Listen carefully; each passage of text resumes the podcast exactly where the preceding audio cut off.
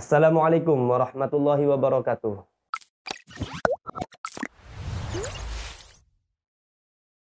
Sahabat pesan dan tren, gimana kabarnya? Semoga semuanya selalu dalam keadaan baik-baik saja, selalu dalam lindungan Allah Subhanahu wa taala.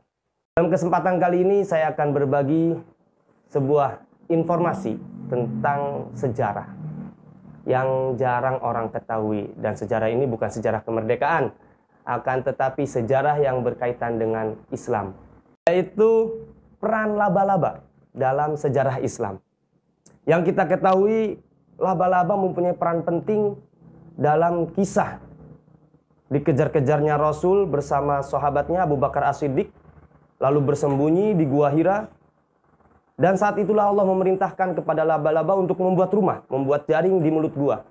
Sehingga kafir Quraisy yang sedang mengejar beliau tidak menyangka kalau di dalam gua tersebut ada Nabi Muhammad beserta Abu Bakar As-Siddiq. Ternyata perlu diketahui peran penting laba-laba tidak hanya dalam kisah Rasulullah. Di dalam salah satu karyanya, Imam Al-Qalyubi mengatakan bahwasanya ada empat kisah. Yang di dalamnya itu laba-laba mempunyai peran penting dalam arti Allah memerintahkan laba-laba untuk membuat rumah atau membuat jaring-jaring. Pasti semuanya juga jarang dengar kayak gini. Bahkan setelah mengadakan survei di sekitar saya pun sama.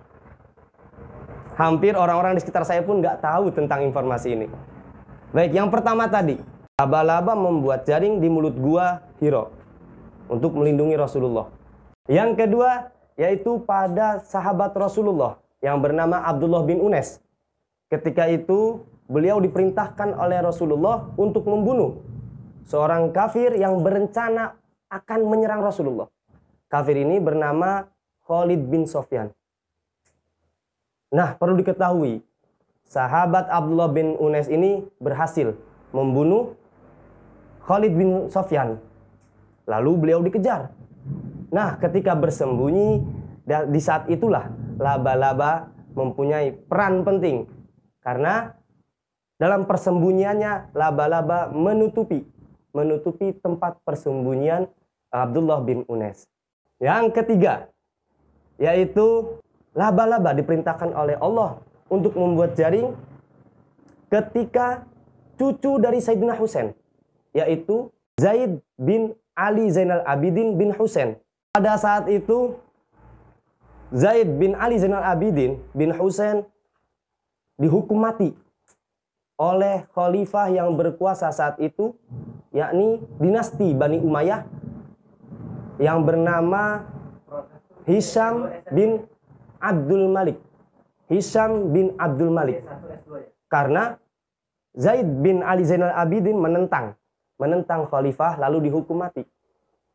Dalam hukumannya, Zaid bin Ali Zainal Abidin itu disalib.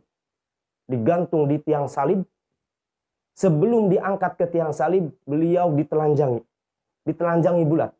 Maka Allah memerintahkan kepada laba-laba untuk membuat jaring di sekujur tubuhnya untuk menutupi aurat dari cucu Sayyidina Husain ini. Dan yang keempat ini terjadi ketika Tolut mengejar Nabi Daud. Di saat itu Allah juga memerintahkan laba-laba menutupi tempat persembunyiannya Nabi Daud. Dari informasi ini kita bisa tahu bahwa memang laba-laba adalah superhero. Dalam sejarah Islam memang laba-laba menjadi superhero. Yang kita tahu, zaman sekarang superhero yang jenis laba-laba itu hanya Spiderman. Ternyata tidak.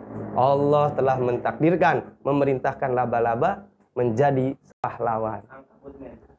Baik, sekian yang bisa saya sampaikan. Wallahul muwaffiq ila Assalamualaikum warahmatullahi wabarakatuh.